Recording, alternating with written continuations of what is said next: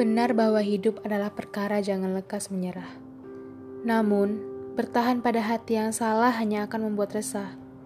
Bersusah payah bertahan pada hal yang entah apa namanya. Sedangkan kamu tahu apa yang menyakitkan dari sebuah luka yang terlalu lama dipendam adalah kesadaran tidak mau melepaskan. Semua akan pulih pada akhirnya. Mungkin tidak akan sama, atau malah lebih indah dari sebelumnya. Jangan terlalu nyaman jika tidak ada kepastian. Jangan sampai kehilangan dirimu untuk orang yang tidak pernah mempunyai perasaan yang sama denganmu. Tidak apa menangis sesekali, karena menjadi kuat itu memang tidak mudah. Menerima kenyataan itu memang gampang-gampang susah. Gantilah istilahmu menjadi membiasakan dan bukan melupakan. Sebab semakin keras kamu mencoba, hal-hal kecil dalam kepala, semua tentangnya tidak akan pernah pergi.